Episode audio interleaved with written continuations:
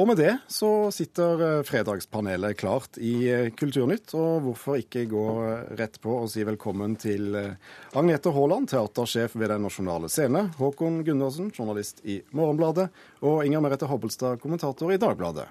Tusen takk, takk og gratulerer med dagen. Ja, ja, ja, det er en frase, det. Damen får takke. Eh, vi går rett på første spørsmål. Eh, kulturminister Hadia Tajik skal reise land og strand rundt for å hente inn gode forslag til hva hun skal ta med i det tredje kulturløftet. Den rød-grønne regjeringen har doblet kulturbudsjettet siden 2005 gjennom Kulturløftet 1 og 2, og vil bruke enda mer tid og spandere enda flere gode tiltak på kultur hvis de vinner valget. Kan kulturlivet stole på at de blir hørt på denne rundreisen? Hobbelstad? Ja, det tror jeg. Gundersen? Ja, hørt kan man jo bli. Agnete Haaland? Ja. Og du skal kanskje bli eh, møteministeren eh, på denne turneen, du? Ja, det håper jeg jo virkelig. Og jeg håper også at hun hører på alle utfordringene vi har i Bergen og på Vestlandet. For jeg har jo skjønt at de er ganske store. Så vi håper virkelig at nå skal Vestlandet løftes. Men dette er et valgår. Eh, hvordan kan dere stole på at det blir noe av å, å hente inn fagre ord her? Vi kan stole på det, fordi at hvis man lover noe og man velges på det grunnlaget, så er det en forpliktende, et forpliktende løfte i det.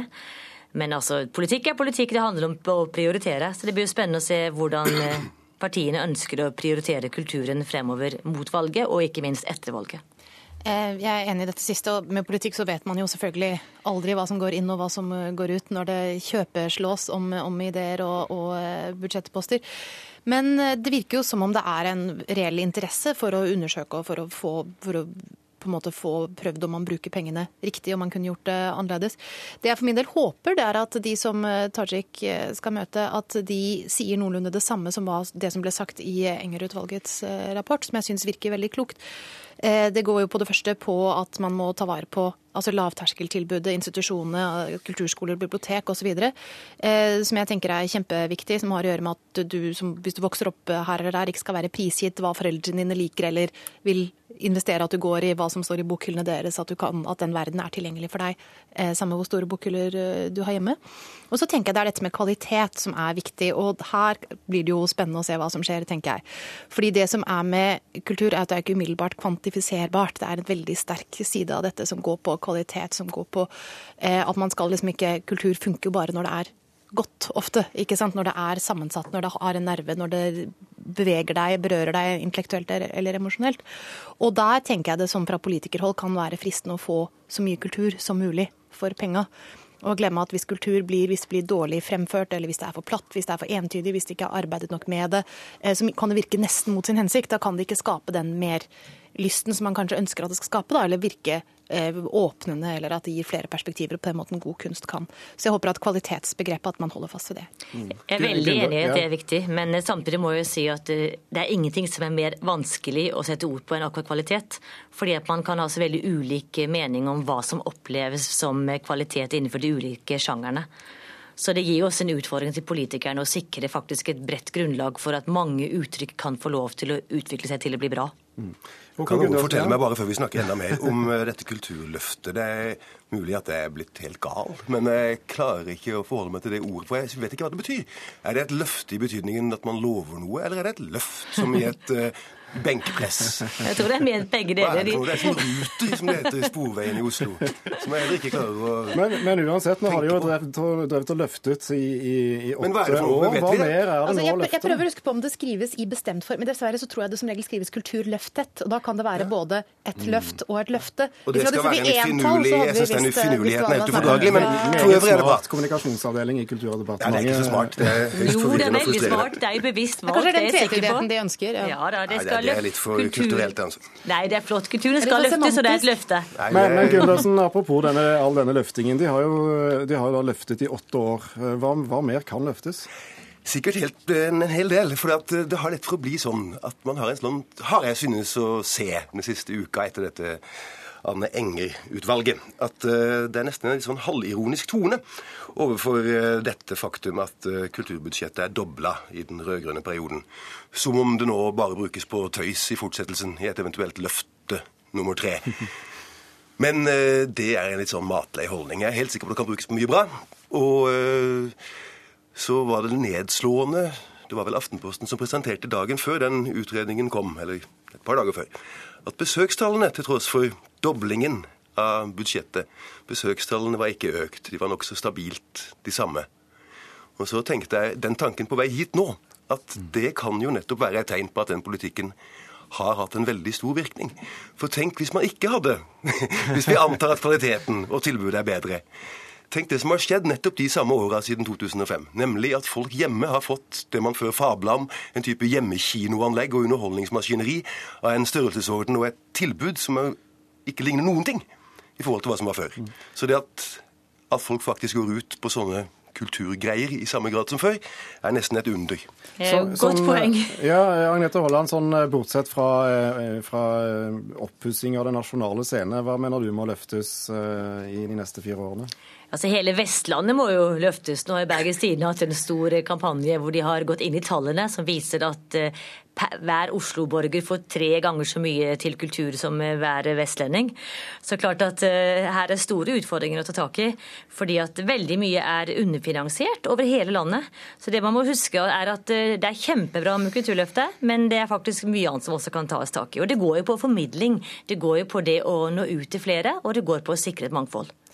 Litt sånn apropos til det som, det som, ble sagt fra Morgenbladet her.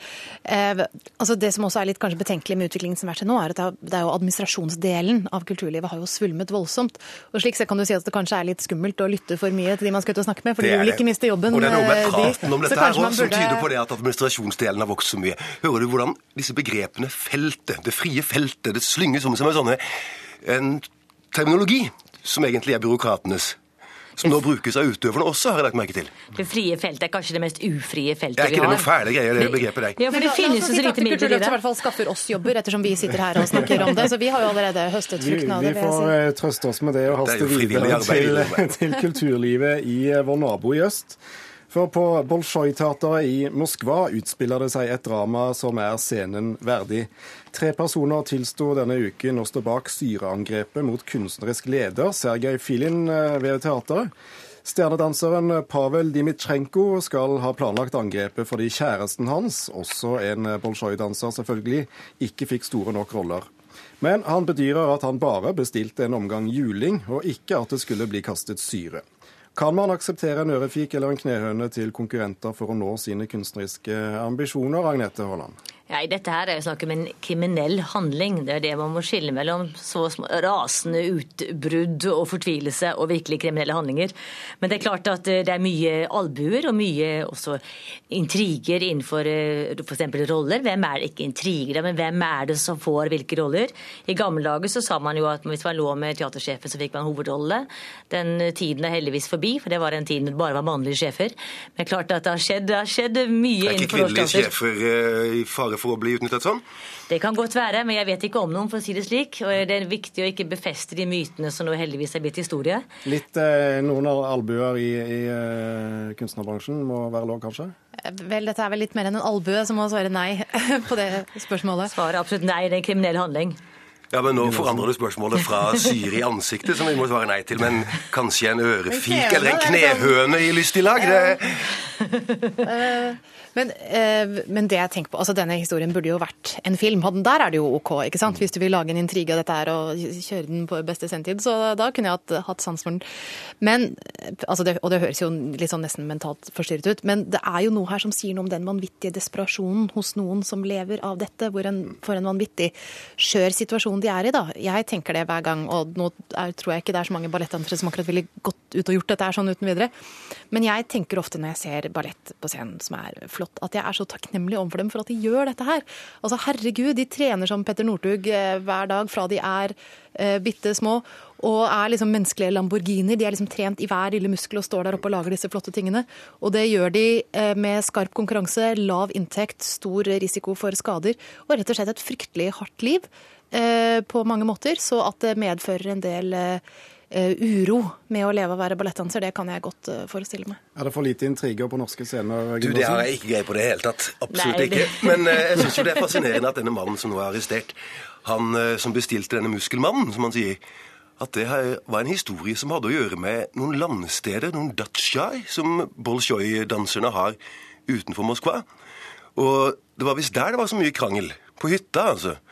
Og da kan man jo forstå at det er lettere å kjenne seg igjen i for noen hver av oss. At vi da kunne ha behov for en som, som kan gå og ordne opp med naboen. Hvordan er intrigenivået på, på ditt teater eh, i Bergen? Nei, Vi prøver jo å unngå den type intriger. og Den beste måten å unngå det på, er jo at det er eh, gode prosesser i forhold til hvem som får rollene, og at folk får liksom, blir vurdert på samme grunnlag. Men det er klart at det å være skuespiller det er ekstremt darwinistisk. Slik at albuer og kan, kan ha en effekt, men syre har garantert ingen positiv virkning. Vi må ha litt eh, kvinnedag eh, til slutt i Fredagspanelet. For komiker Sigrid Bonde Tusvik kritiserer Harald Eia for å være blindet av briller med flekker av sæd når han skriver om likestilling. Eia skrev for en tid siden sammen med to kamerater at kvinnene er i ferd med å få for mye makt i samfunnet. Langt fra så, hevder Tusvik i tabloide ordelag i VG på kvinnedagen. Spørsmålet da, Har kvinnesaken kommet dit hen at den kan reduseres til halvseriøse komikere med underlivshumor, eh, Inger Merete? Nei. Det var ikke så lite seriøst, det fra hun eh, bonde Tusvik i VG. Nei, og Ståle kronikk fra Tusvik. Det er ikke jeg enig i. jeg jeg syns dette var bare, bare tull. Eh, men så klart, det er jo et element av det som er bare tull, og som er villet bare tull. Altså, hun er jo selvfølgelig komiker, og det er helt sikkert, eh, ifølge de som delte dette på min Facebook-feed i dag, så er det folk som ler av det. Det gjør ikke jeg.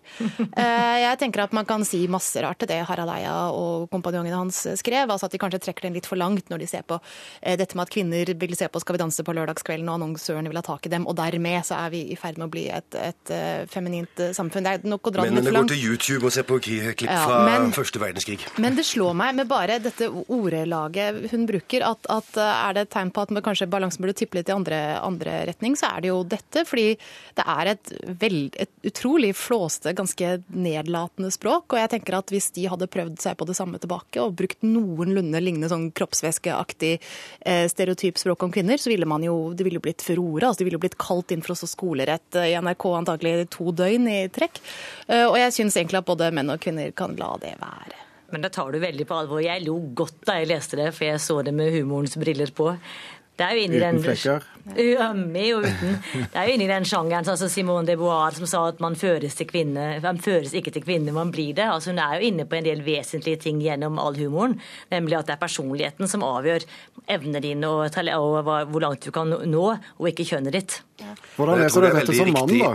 Nei, Jeg syns det er veldig riktig det som Eia og Ile og og tredjemann skrev at uh, TV-kvelden har blitt en uh, Der er det kvinnene som har fjernkontrollen. Og det, er mykt på TV sånn. Og da tror jeg veldig mange menn har den opplevelsen at man sitter der nærmest av hensyn til at man skal gjøre noe sammen som familie. Men straks de mindre har lagt seg, så forsvinner man det var interessant, for hjemme hos meg jeg klarer ikke å skru på den fjernkontrollen. Det er jo tre sånne saker jeg skal trykke på. Nei, men alle de manneprogrammene, alle naturprogrammene og sånt er jo så stykka opp av reklame at man ser ikke forskjell på hva som er traileren og hva som er programmet. Når jeg vil se at Geparden tar gnuen. Ja. Men dette er vel, jeg lurer på om det egentlig kan kokes ned til dette at syns du det er morsomt, så syns du det er bra, og syns du ikke det er morsomt, så syns du da, da legger du alle disse andre tingene i det som du syns Da legger du merke til de tingene i det som du ikke syns er bra. Jeg tror det var Dorothy Parker, den amerikanske komikeren, som en gang sa, snakket om hvor fryktelig hva for et press det sto for de som faktisk levde av humor, da, av å være komikere. Fordi enhver liksom, idiot kan kaste et blikk på det de lager og bare si nei, jeg syns ikke det er morsomt. Det, og da har du bare tapt. Så jeg tenker at det er den store fordelen er at jeg ler ikke, og, og, Bergen ler. I stedet for å snakke om de to aviskronikkene, da. Så syns jeg den som var i Aftenposten i dag, er verdt å nevne. For det var jo et fenomen. Der kom noe som var nesten uforståelig, men egentlig veldig fint å la trykke akkurat på kvinnedagen, syns jeg. For der var det to mennesker. Det var altså Nils Rune Langeland og forfatter Hanne Ørstavik som kjørte taxi sammen i Ecuador og eh, betrakta noen transvestitter. Og ellers eh, så verden høyst forskjellig, men åpenbart var glad i hverandre.